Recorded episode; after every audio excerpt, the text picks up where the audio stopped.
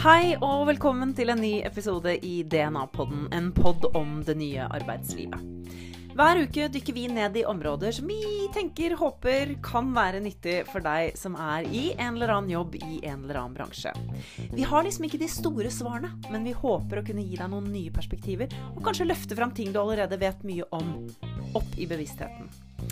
Vi tenker høyt fra sofakroken, og så dykker vi ned i det som opptar oss. Vi, vi er to som har jobbet innen ulike bransjer på ulike nivåer, men vi har alltid jobba med mennesker og brenner for at mennesker skal trives på jobb. Nå er vi en del av Fuelbox-teamet, der vi jobber som relasjonsarkitekter. Og vi ønsker å bygge arenaer for de samtalene som ellers ikke ville funnet sted. Samtaler som endrer både mindset og liv. Det er nye forventninger, det er nye spørsmål. Vi har vært gjennom en helt ny arbeidshverdag. Hva skjer nå? Vi tar deg med på praten.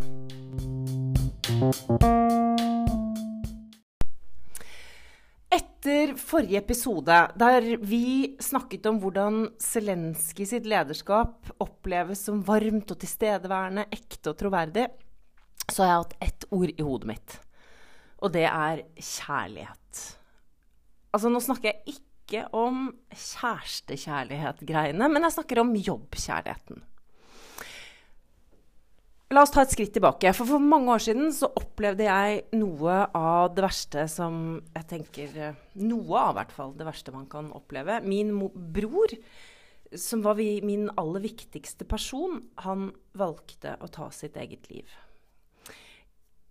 Etter at det skjedde, så var jeg fryktelig kjapt tilbake på jobb. Og jeg tror i hvert fall sånn sett i ettertid at jeg begynte å jobbe, og jobbet veldig mye, nettopp for å ikke gå i kjelleren. Jeg hadde alltid hatt en uh, typisk open door policy. Og så så jeg jo selv sikkert òg, mer eller mindre bevisst, at jeg stadig oftere satt med lukket dør. Altså, jeg vet ikke om jeg tenkte over det, men, men jeg vet at uh, jeg kanskje reflekterte over at jeg hadde behov for å jobbe mer konsentrert. Og så, og så hang jeg det med at jeg lukket døra på det isteden.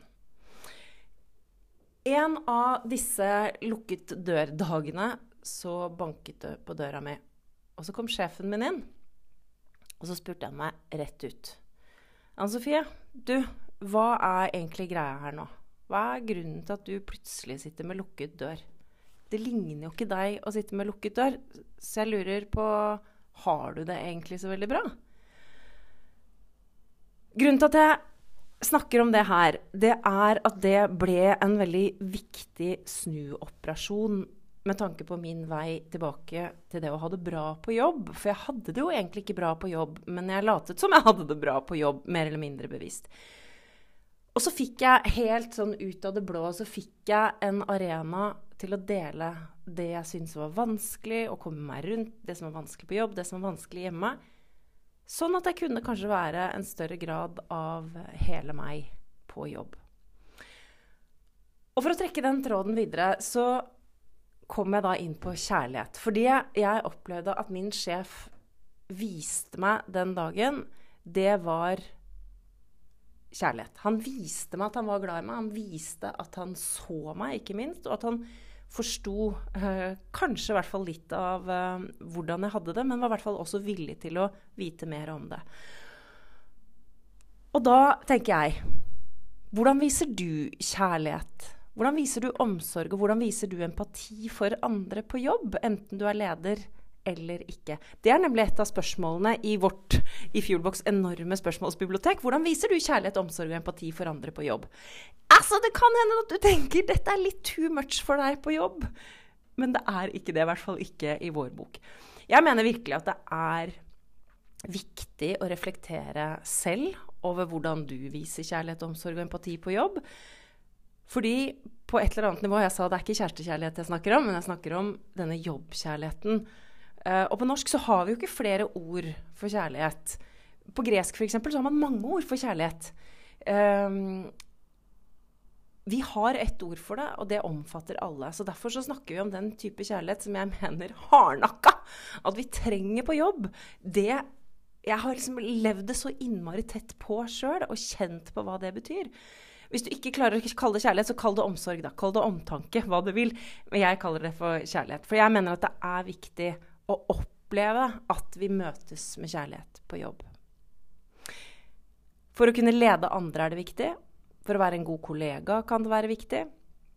Og jeg mener at det uh, kanskje kan være lurt å tenke gjennom hvordan vi faktisk viser at vi bryr oss om de andre på jobb. Så hvordan gjør du som lytter til dette, hvordan gjør du det egentlig? Og nå hadde jeg en lang introduksjon, eller en lang eh, anekdote, kall det hva du vil. Men eh, jeg, jeg satt så innmari fylt med den opplevelsen som eh, min den gang kjære sjef eh, gjorde overfor meg. Og den, den, hva skal jeg si, utstrakte armen som han ga til meg, og som, som, ga meg den arenaen for å snakke, og som jeg nå etter forrige episode sitter igjen med som en, en, en handling som kom fra en kjærlighet på et vis. Og da har jeg veldig lyst til å uh, høre med deg, Mette. Har du gjort deg noen tanker rundt det? Eventuelt, hva er dine tanker rundt det med å vise omsorg, empati, kjærlighet for andre på jobb. Mm. Jeg tror det er avgjørende å føle at man er tatt på alvor, at noen bryr seg om deg, for å også skape det vi har snakket om så mange ganger før, med psykologisk trygghet. Mm. Og så tenker jo jeg at etter to år med pandemi Altså, Hvem var det som ikke trengte litt ekstra kjærlighet og omsorg fra også de vi jobbet med og jobbet for? Uh, i en periode hvor vi var redde for å bli syke. Vi visste ikke hva dette her fulgte med. Altså hva, hvor syk ble man? Noen døde jo. Uh, vi hadde familie som kanskje var i risikosonen. Vi hadde eldre folk i familien vår som vi var redd for på sykehjem. Så jeg tror at den, det å være god mot hverandre har fått en sånn fornyet relevans gjennom koronapandemien. Eh, og så tror jeg at eh, vi glemte jo koronapandemien i gåseøynene litt kjapt nå når vi fikk en krig i Ukraina.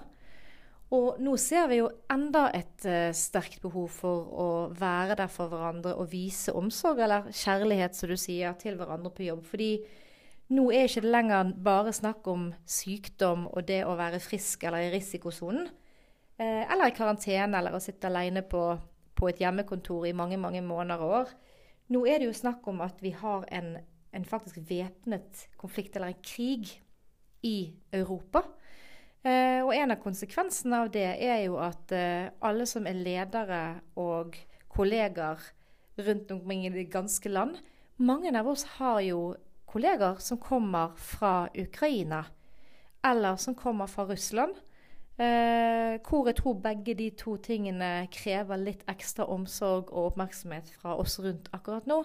Så det, det har slått meg litt siste uken, fordi at denne siste uken nå så har jeg holdt en del ledersamlinger og snakket med en god del ledere om hva skjer der ute, og hvordan påvirker krigen arbeidshverdagen deres. Og da forteller veldig mange meg at det har blitt en ekstra lederdimensjon nå i forbindelse med krigen i, i Ukraina. Nettopp dette her og at nå er det viktig at vi viser omsorg, ekstra omsorg og omtanke og kjærlighet fordi eh, mange har da ukrainere som akkurat nå sitter med venner og familie og historie fra Ukraina, og er veldig berørt, enten direkte eller indirekte, av det som nå skjer. Og så har du en, eh, en annen dimensjon, og det handler jo om at eh, vi har mange russere som jobber her med oss, og som akkurat nå sitter i en ganske vanskelig situasjon, eh, hvor de tilhører Eh, et land hvor deres øverste leder, for jeg vil si Putin, har gått til krig. Og det er jo veldig mange, de aller fleste russerne stiller seg jo ikke bak det som skjer. Men de skal likevel jobbe her og følge med på alt som skjer der borte. Og de skal jobbe sammen med også kanskje ukrainere, venner, kollegaer som de allerede kjenner. Så for å si det sånn som en, eh, en leder sa til meg, at uh, min og vår jobb nå som ledere det opplever jeg er å gå rundt på jobben eh, breiest mulig ut og ta mest mulig og like mye på alle de, spesielt alle de som er ukrainere og russere. For å vise de omtanke, for å vise at uh, her er alle like mye verdt. Uh, vise at det er ingenting politisk her. Uh, og den tror jeg mange trenger å kjenne på akkurat nå. Mm, og, det, og, jeg tenker jo dette her Da satt ting litt i perspektiv for meg, da. Fordi at nå er det mange. Den gangen som jeg snakket om innledningsvis, så handlet det om meg. og og vi står alle i ting hele tiden. Og jeg har så lyst til å i hvert fall oppfordre her i, i denne podkasten folk til å tenke på hvordan de gir den omsorgen, fordi at nå trenger vi det enda mer. Mm. eh, også mennesker som ikke er direkte berørt av det som skjer i verden nå. Men jeg tenker at, vi, at dette er en gyllen anledning til å løfte opp den omsorgen vi gir for folk på jobb. Da. Viser at vi bryr oss. At vi ikke er så redd for å vise at vi bryr oss. Nei, det er jeg helt, helt enig i. Jeg elsker et uh, ordtak som uh, er på engelsk, som heter 'Everyone you know is fighting a battle you know nothing about'. Be True. kind always. Og den følger meg, fordi uh, vi er jo ikke ubeskrevne blad. Og vi, selv om vi kommer på jobb og vi gjør en jobb, så er vi jo Vi har masse ting i ryggsekken vår. Og du kan anta at det fins ikke en eneste person som ikke bærer på noe som trenger litt eh, omsorg og litt omtanke og, og, kjærlighet, og som ikke responderer veldig godt på det. Og der er du inne på noe som responderer godt på det. For dette her igjen, og det har jeg liksom behov for å si, det er ikke snakk om å være alltid wishy-washy, softy, pusete rundt folk på jobb.